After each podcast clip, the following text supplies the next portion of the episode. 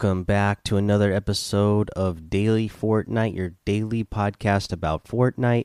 I'm your host, Mikey, aka Mike Daddy, aka Magnificent Mikey.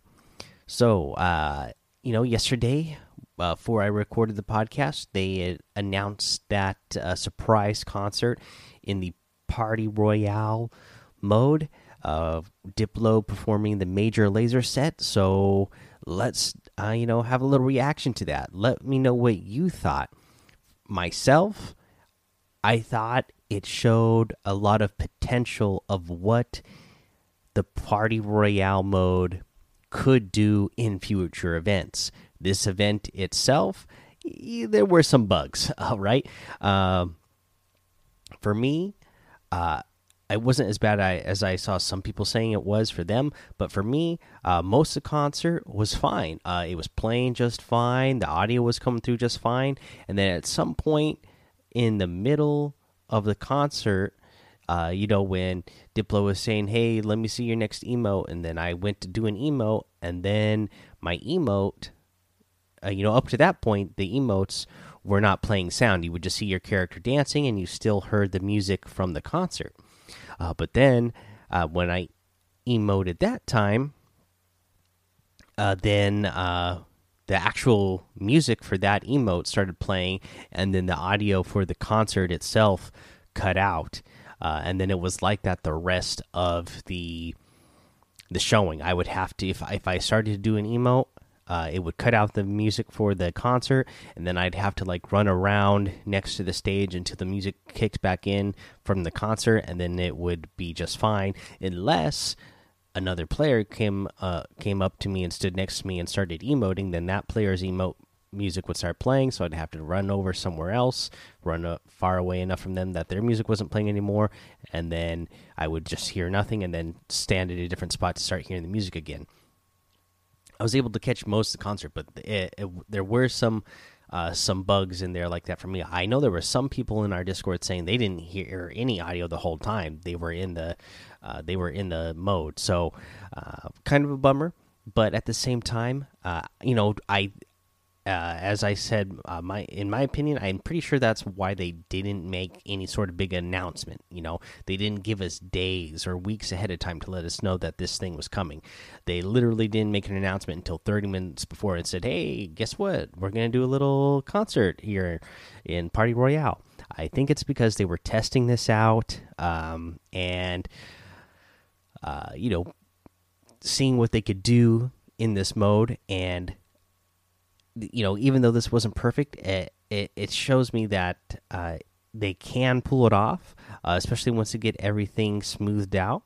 Then uh, this will be really cool because, uh, as I said, there's so many things that you can do with this. Uh, obviously, we've seen that they could do live concerts. Uh, you could do you know you can have like live movie viewings or premieres or uh, you know you could do live in-game interviews with players. Uh, a lot of cool things that they could do on this party royale stage that they have. So i'm really uh, looking forward to what they do with this in the future. Again uh, fortnite has so many things like this that no other game has that uh, you know is what makes me think that Fortnite is going to be around for a long time. So there's that. That was pretty cool. And then the other thing I'm really excited about today is the Fortnite Championship Series Invitational Day 1 that was going on today. And again, I'm just so excited to be watching Fortnite competitive once again. Now that uh, we are back to having actual, uh, you know, official broadcasts. I mean, it's great. Uh, we had uh, Ezekiel's Prime, we had Sundown, Shy Wager, Bala, Monster D Face, uh, Aussie Antics was there.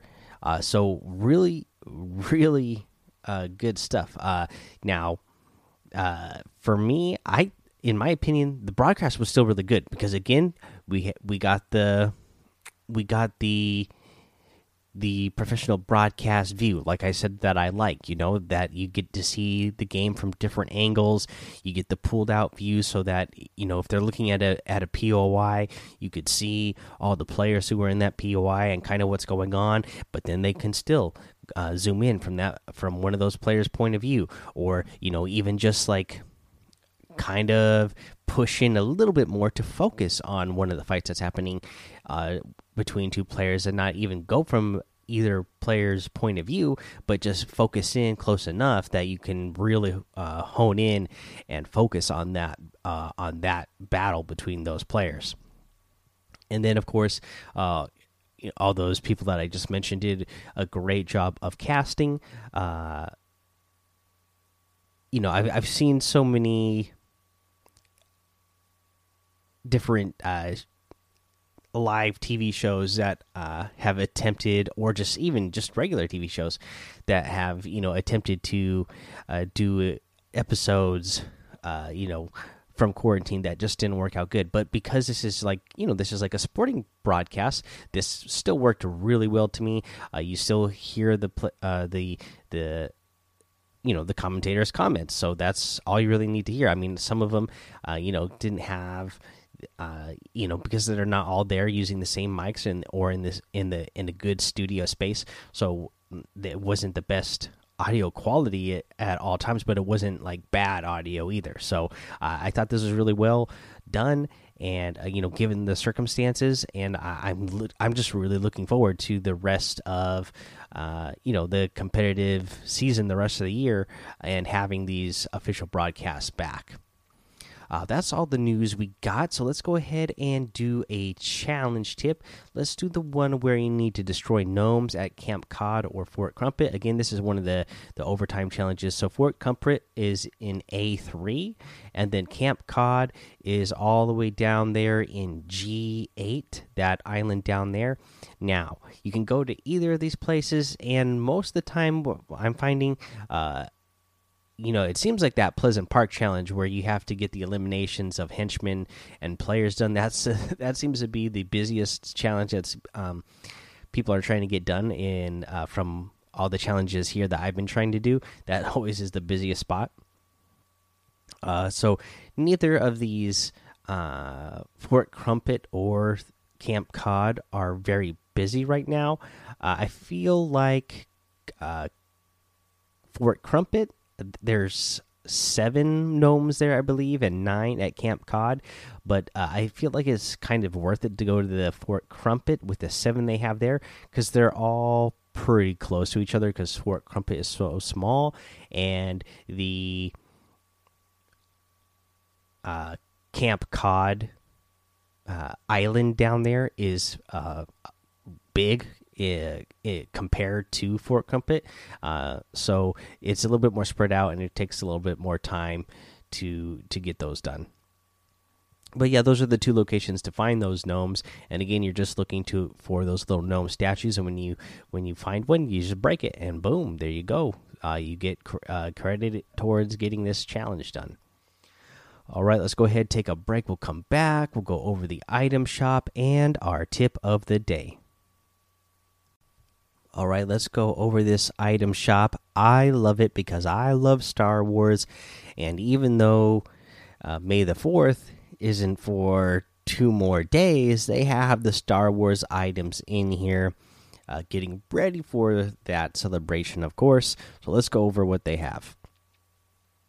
Uh, let's go over. So they have the uh, Starfighters uh, bundle, which has the First Order TIE Fighter and the Y Wing glider.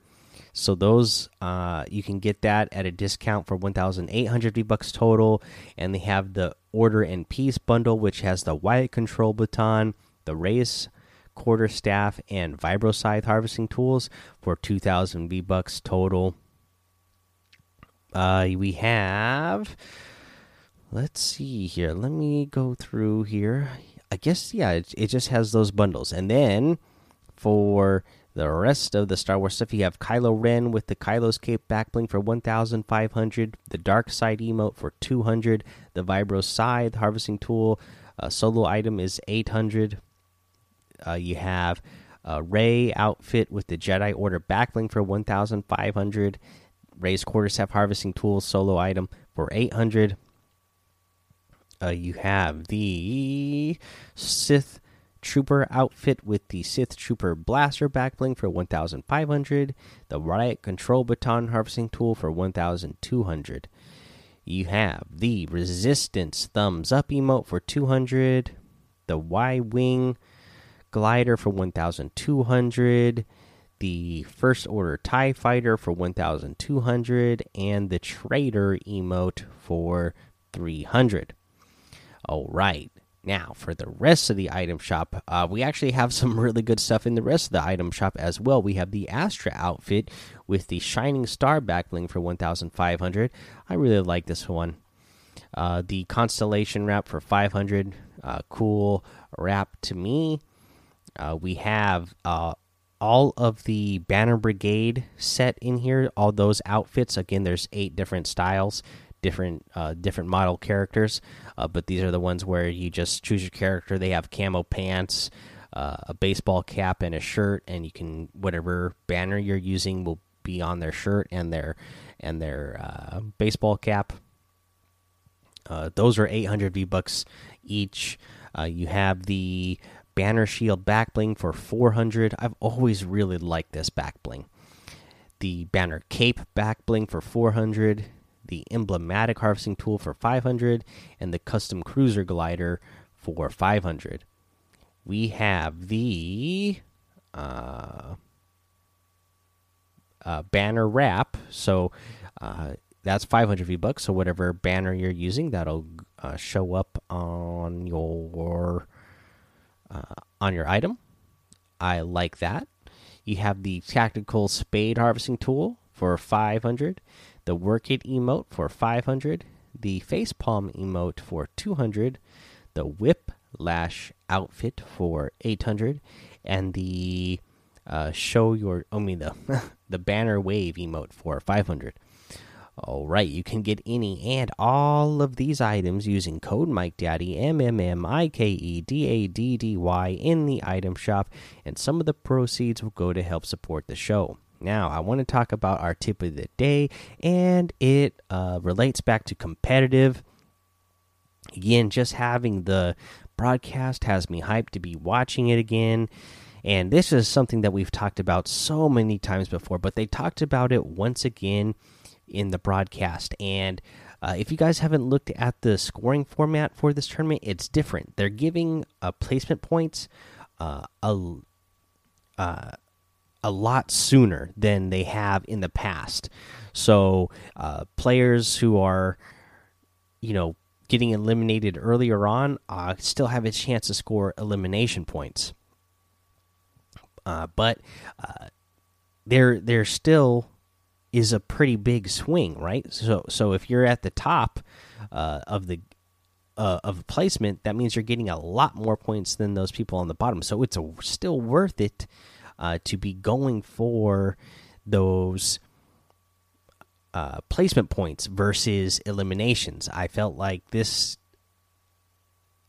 this tournament they they're they're starting with the format they're starting to find a better balance i don't know if this is the perfect uh, format yet uh, but they're they're getting there and uh, but the, the the idea is that placement is still most important because it is you know a survival game. It is you know the point is to be the last one standing.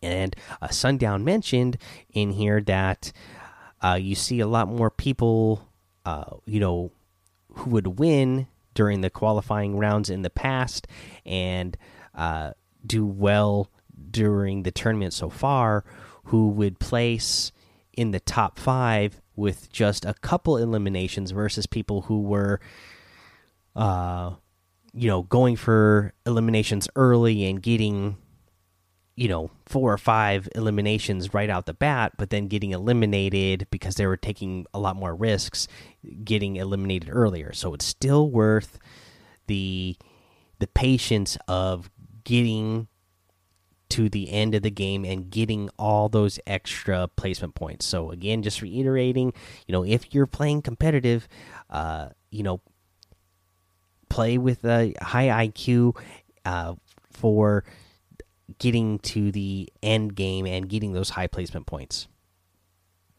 Uh, so that's the end of the episode, guys. Go join the daily Fortnite Discord and hang out with us. Follow me over on Twitch, Twitter, and YouTube, Mike Daddy, on all of those. Head over to Apple Podcasts, leave a five star rating and a written review for a shout out on the show. Make sure you subscribe so you don't miss an episode.